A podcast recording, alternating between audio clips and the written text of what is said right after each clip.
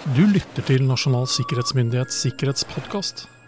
En podkast om sikkerhet, mennesker, teknologi og samfunn. Hei og hjertelig velkommen til Nasjonal sikkerhetsmyndighets eminente sikkerhetspodkast. Mitt navn er som vanlig Roar Thom, og jeg sitter her i min ende av vårt eh, digitale lille studio, og i den andre enden så både ser og hører jeg eh, min kjære kollega Jørgen Dyrhaug. Hei, Jørgen. Mm. Hei, Roar. Du, jeg tror jeg rett og slett bare drar i gang med et spørsmål til deg. Ja. Ja. Hvilke sosiale medier bruker du, Jørgen? Oi. Eh, Hvor eh, er du hen, for å si det sånn? Hvilke sosiale medieflater er du å finne på? Um, ikke så veldig mange.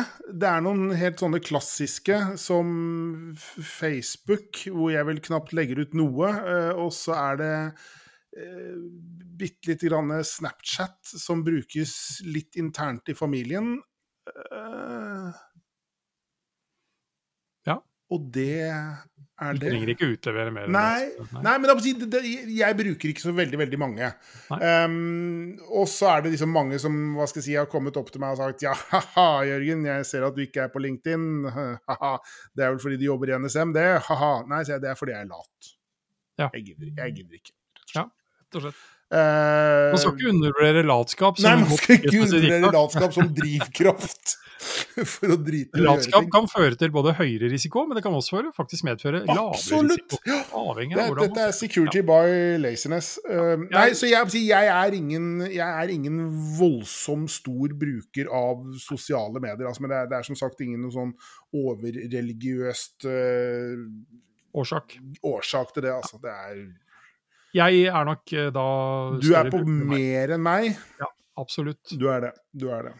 Og grunnen til at jeg egentlig tar det opp, det er at uh, i det stille og rolig så har vi i NSM kommet med noen tips til hvordan virksomheter bør vurdere sosiale medieapper. Mm. Det er sikkert noen som umiddelbart tenker hvorfor vi har kommet med det, men det er ikke det som er poenget her. Jeg har tenkt Nei. å gå rett på, rett på egentlig det generelle, ja. Og da er jo, da er jo liksom noen sentrale spørsmål. Da. Hvilke apper kan ansatte ha på telefonen? Mm. Um, så kan man jo også ta det mer uh, systematiske spørsmålet. Hva har arbeidsgiver med det å gjøre, f.eks.? Det er en Mhm. oppfølging. Ja. Uh, men vi har sånn sett utarbeidet noen tips til virks hvordan virksomheter kan eller kan og bør, og hvordan de skal utarbeide rutiner for bruk av sosiale medier internt. Da. Mm. Og dette kan man altså lese mer om på våre hjemmesider, så det jeg og Jørgen snakker om nå, er litt rundt akkurat det som står der. Yep. Men vil man ha det ordrett og sånn som det står, så gå yep. på hjemmesidene våre. Det er ikke noe særlig tvil om at eh, sosiale medier har en betydelig plass på folks mobiltelefoner, vil jeg tro. Definitivt. Det er vel eh, Jeg på å si helt der oppe på er, jeg, jeg vil tenke at det er pallplassering jeg, Ja, for ja. hva folk faktisk bruker en mobiltelefon til per i dag. Det er nok større sjanse for at du har, eh, altså har flere sosiale medieapper enn du har avspillingsapper for video og lyd, sånn isolert sett i seg Ja. selv. Eller Eh, regnearksapper. Ja. Ikke sant? Men i det så ligger det da rett og slett at uh, dette kan innebære risiko for norske virksomheter. Um, man kan ha den type apper på både private enheter, tjenesteenheter, uh, avhengig av hvordan man har løst dette her. Um, og det handler jo til syvende og sist altså Tipsene våre tar litt utgangspunkt i liksom noen viktige kriterier for å vurdere risiko da, knytta til Mm. sosiale medieapper, og, og sånn sett å vurdere risikoreduserende tiltak. Eh, ikke ment å erstatte en sånn ordinær risikovurdering, men mer en sånn supplement til hvordan man kan, eh, kan og bør tenke rundt dette her. Og så tror jeg det er én ting jeg ønsker å si rundt dette i, i det store og hele. Eh, regler er fint. eh, hvordan man eh, si, Hva man tillater av apper installert og ikke, er også fint. Men vi ender, som det aller meste av sikkerhetstiltak, med ned på at vi har basert disse tiltakene til syvende og sist på at uh, tusenvis av ansatte gjør riktige ting hver eneste dag. Mm. At du ikke får ha Facebook på mobiltelefonen din, bare som har tatt et søkt eksempel.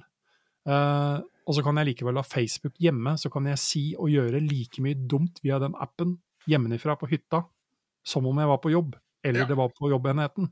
Så det, er jo, det er jo basert på at jeg skjønner kanskje også litt om hva er det smart å holde kjeft om, hva er det som ikke skal publiseres på disse Ja, det, ja, ikke sant. Igjen det- Da er det det- direkte bruk, da. Direkte Ja. publisering av informasjon, den type Ja. ting. Men så er det en annen del av dette som er kanskje nærmere hvorfor vi kommer med noen av disse rådene. Og det er at informasjon som lagres, eh, som ikke nødvendigvis er hva jeg har ytra, men rett og slett bare informasjon om meg og en del omstendigheter, også selvsagt da eh, lagres og fanges opp potensielt av andre. Og det er det vi egentlig skal eh, tenke litt over. Så det er flere faktorer som kan være relevante for å ta med i en verdi- og skadevurdering, mener vi. Eh, det er ikke en, den er veiledende, denne lista, ikke uttømmende. Men hva slags informasjon kan bli lagra på enheten? Mm. Eh, hvilke deler av altså virksomhetens interne digitale infrastruktur kan enheten kobles opp imot? Mm. Eh, hvilke virksomhetsinterne tjenester og opplysninger kan enheten få tilgang til? Hvor sensitiv er den informasjonen som kommuniseres gjennom enheten?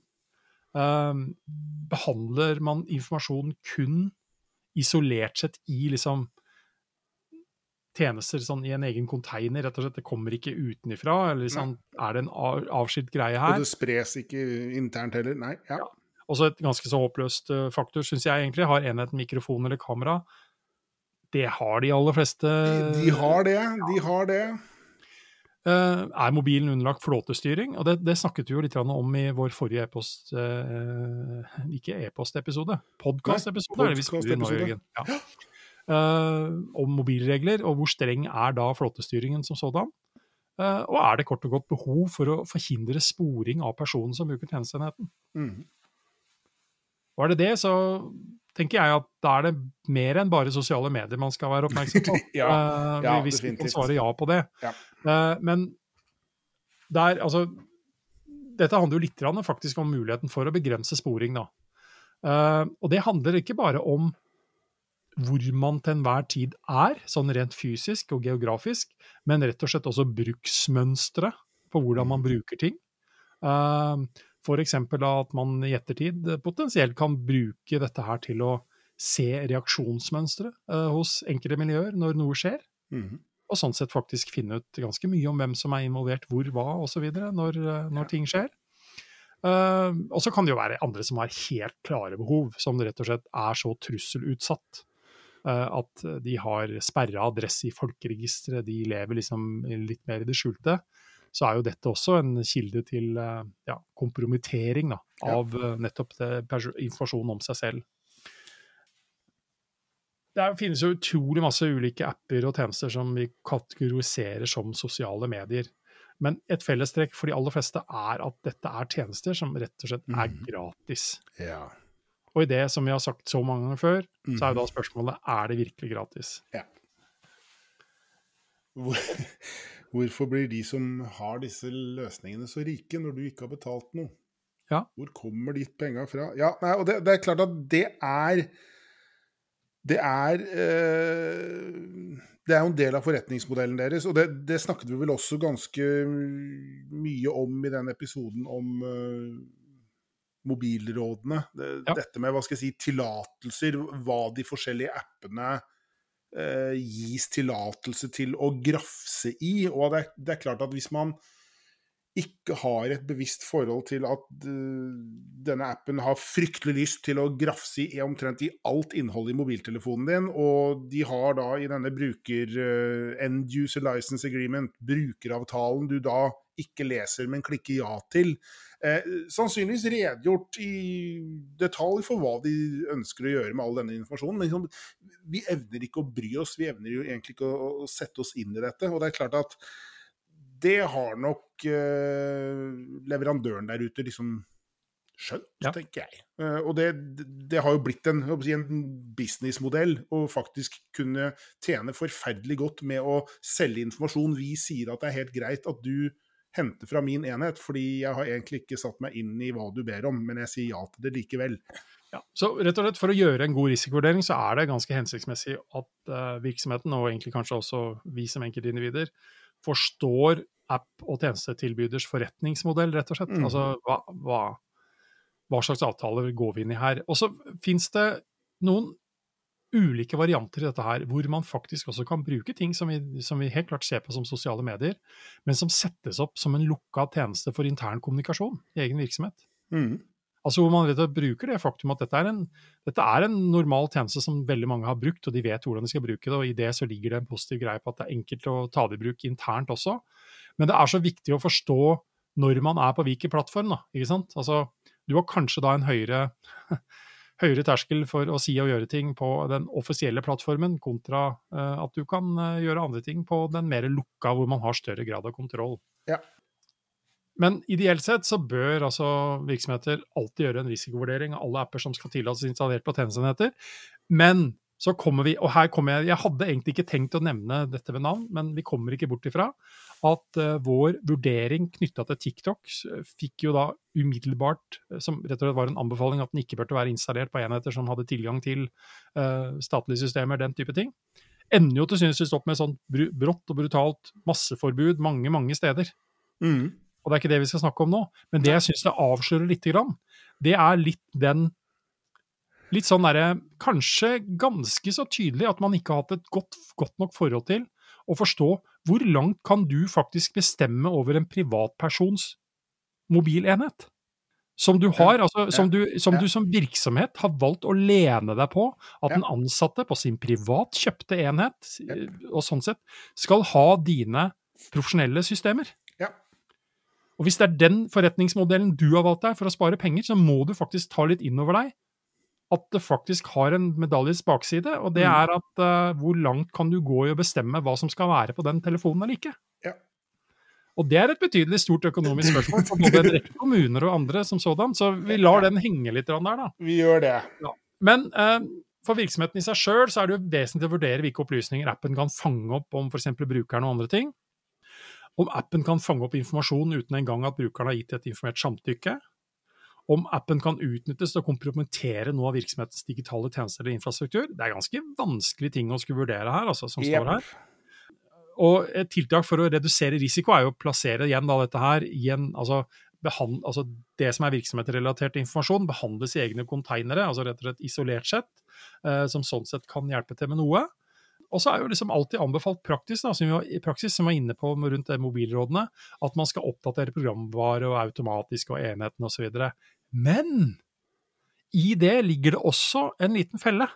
Fordi nye oppdateringer kan gi nye funksjoner, som igjen ytterligere forringer den vurderingen du allerede foretok. Og Det er mm. derfor vi så jeg mener så veldig klart har sagt at vi kan ikke løpe etter med en slags godkjentliste, eller ikke-godkjentliste over apper. Nei. Fordi arbeidet med å skulle se gjennom denne konkrete appen, hvorvidt den liksom, eh, kan vi stole på den eller ikke, idet den arbeidet er gjort, så går det to dager, så kommer det en ny oppdatering, og så må det startes på nytt igjen. Ja.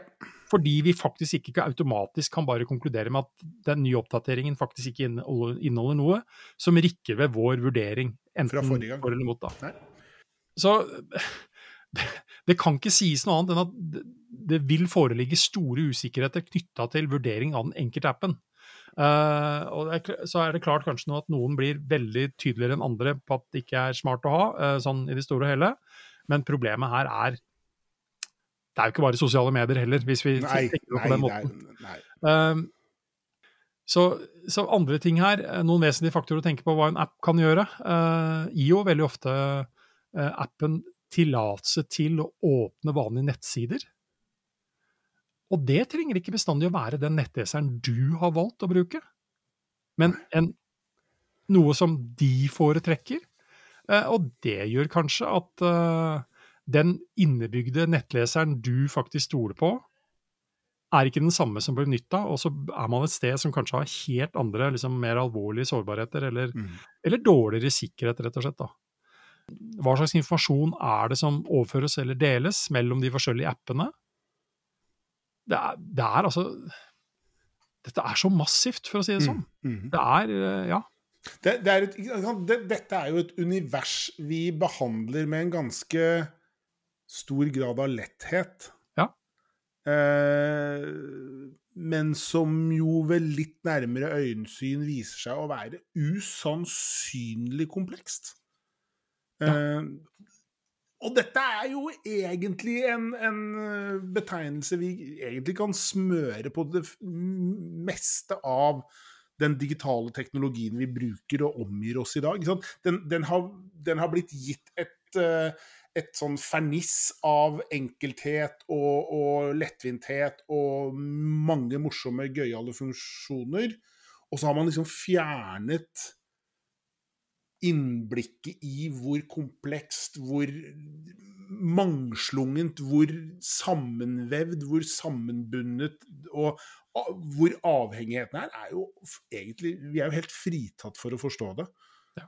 Og det, Altså, og det, det, Vi snakker om det i sosiale medieapper i denne episoden. Vi kunne ha snakket om det i, i, i uh, forrige episode knyttet til mobiltelefoner. Vi kan egentlig liksom trekke dette inn stort sett overalt. Dette er komplekst, mine damer og herrer. det kan være softwaren eller appene du har på PC-en din. Det trenger ikke være liksom knytta opp mot mobilenheten din. Nei, nei, nei, nei. Altså, det er rimelig allmenngyldig. Eh, en annen ting er meldingsapper. Hvor Ja. vi sier at det er vesentlig at meldingsapper bruker ende-til-ende-kryptering. Med liksom en tilstrekkelig god nok uh, algoritme og nøkkellengde, altså sterk nok krypto, rett og slett. da.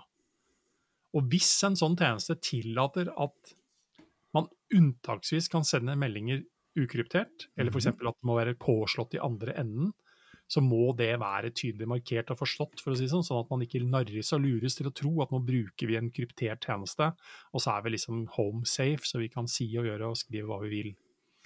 For det Eh, kan vi ikke. Nei. Og for eksempel autentisering, verifisering, hvem er det som har tilgang i gruppene vi etablerer, altså den type ting.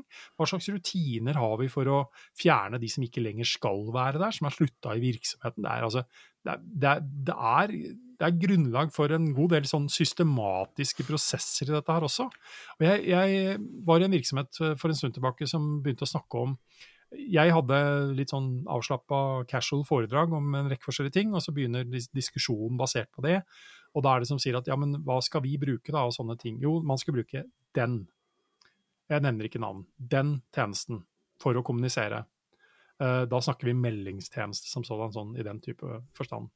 Ja, men så sier de men alle vi andre vi samarbeider, de, de vil ikke bruke den, for de er på den ene, og de er, noen er på den andre, osv. Liksom, vi må jo liksom gjøre dette her.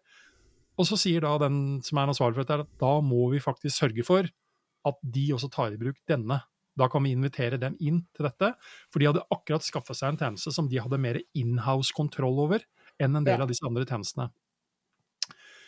Og så begynte diskusjonen liksom, ja, men hvorfor er, hvorfor er det liksom ingen som hvorfor er det ingen som sentralt bestemmer hvem vi liksom alle disse skal, hva skal vi bruke, hva kan vi bruke? Uh, og det, det fikk meg til å tenke over at men det er jo ganske naturlig at det er sånn, for i mangel på en beslutning om at dette er den som er godkjent på en eller annen forstand, så kommer brukerne til å finne ulike løsninger Ja, som fungerer for dem, Ja, og som der og da ser ganske bra ut som sådan, og kan også være det, selvsagt. Men man må ikke bli veldig overraska over at man også får en viss motstand om å migrere tilbake til en konkret app, da. Når man har lært seg vanen til å bruke liksom, de Ja, tingene. Man har etablert ulike grupper som man samarbeider med, og vi kommuniserer på denne, og vi gjør sånn på den. Eh, Så, så igjen det er bedre i hvert fall å komme med et konkret altså Jo kjappere man kommer med konkrete løsninger på de tingene, jo bedre er det. For de ansatte og folk flest kommer til å ta i bruk dette her uh, ut ifra egne behov. Ja, ja, ja, ja. Eh, så man har, liksom, man har ikke tid å vente to år på å liksom finne sin på, en løsning la, på på, en- altså. på en lang og intrikat utredningsprosess. Nei, øh, ikke i det hele tatt. Og da er vi også til syvende og sist da, på, på det siste punktet her, og det handler jo litt om å, å faktisk da gi opplæring og kunnskap til de som er brukere, ansatte rett og slett. Eh, god og tydelig, og, og også tydelig tidlig informasjon om disse tingene. At man ikke henger bakpå. Og har man lagd seg en instruks rundt dette, her, så er det faktisk ganske smart at den formidles og forstås godt ute i virksomheten. Og forklares med liksom hvor, hvorfor gjør vi dette? Ja. Se Ja, her, ja, ikke minst hvorfor. Bli, bli med litt opp i fugleperspektiv. Se verden fra et eh, litt annet perspektiv, så vil du kanskje se at det må være slik, sånn slik Det må være slik uh, vi foreslår det. Ja. Og den siste tingen der da, handler jo også litt om å forstå rollene sine i forhold til bruken av sosiale medier, hvor vi alle Mm. sammen er vår egne redaktører på en måte, og selv velger hva vi ender opp med å skrive og si og gi uttrykk for. Um, og dette er noe jeg føler jeg nesten lever med nesten hver eneste dag, på den måten jeg bruker sosiale medier på, hvor jeg Mm. gir uttrykk for ganske mange ting som har en helt klar forbindelse med jobben min, men det er allikevel meg som gir uttrykk for det, det er ikke Nasjonal sikkerhetsmyndighet. Nei. Men jeg har likevel ingen illusjon om at det potensielt heller ikke blir tatt i den retningen at det kanskje er NSM allikevel som mener dette. Altså jeg har, tror jeg har også nevnt dette før òg, men jeg, jeg har endt opp på TV og radio for å måtte snakke om noe jeg har skrevet som er fanget opp av en eller annen journalist. Ja. Eh, som, som sånn sett da Det er ikke noe jeg ikke kunne stå for, for å si det sånn, men, men det er i hvert fall ingen illusjon om at du ikke har mennesker her ute som faktisk leser det du skriver, og kanskje tolker dette i en litt annen retning enn det du opprinnelig hadde tenkt når du, når du trykka send. da. Ja. Så, så det å ha et klart forhold til eh, både det å kunne fortsatt uh, ha ytringsfrihet og kunne gi uttrykk for meninger, men også forstå at det kan også føre til noen komplekse roller der på hvem er du akkurat nå, eh, og hvilken konto er det du bruker til å formidle akkurat dette. under hvilken fane er det du Ja. egentlig står her nå og Ja. mener og ytrer? Ja, og det er klart at det, Vi ser jo si, Norge 2023 sammenlignet med Norge 1973. ikke sant? Hvor mange flere arenaer, hvor mange flere oppslagstavler, hvor mange flere medier, ikke trykte, men digitale, er det vi har fått da en uendelighet. Liksom, det er et helt annet univers for Ja. hvor vi nå faktisk kan uttrykke oss. Uh, før var det aviser, en oppslagstavle på nærbutikken og fasttelefonen. ikke sant? Det, det, det var jo omtrent det. Nå er det en helt annen verden. Og det, igjen, nye verktøy må brukes på en klok og gjennomtenkt måte. Da er det fantastisk gode verktøy, men sant? igjen, du må liksom forstå tosidigheten, dualiteten i dette. Det, det kan faktisk bråsnu og bite deg litt i ræva hvis du ikke klarer å forstå hvordan dette funker. Og med de med vingede ord der, så tror jeg vi går, går inn for landing. Og så samtidig da si at uh, den, det vi har snakket om nå, må ses i veldig sterk grad sammen med de rådene vi har knytta opp imot nettopp mobiltelefon og mobiltelefoni. Ja. Ja. For dette, det, er, det er mye her som er fellestrekk og sammenfattende. Og det er både teknologiske spørsmål, det er prosessuelle spørsmål, og det er mennesker i dette her som, som må vurderes igjen. Så vi er tilbake til sånn der, den tradisjonelle. Vi er nødt til å tenke på dette helhetlig. Eh, du kan ikke bare løpe etter den ene dingsen bare i et teknologisk perspektiv. Du er Nei, og du kan ikke bare- andre tingene også. Ja. Så med det, Jørgen, så tenker jeg at vi logger av her, og så logger vi oss på alt på Sosiale medier og skryter at vi har lagd podkast og alt mulig sånn. Det kan vi gjøre. Ja, Definitivt. Vi gjør det. Yes, Ha en trygg og sikker dag videre. Takk det samme, Roar.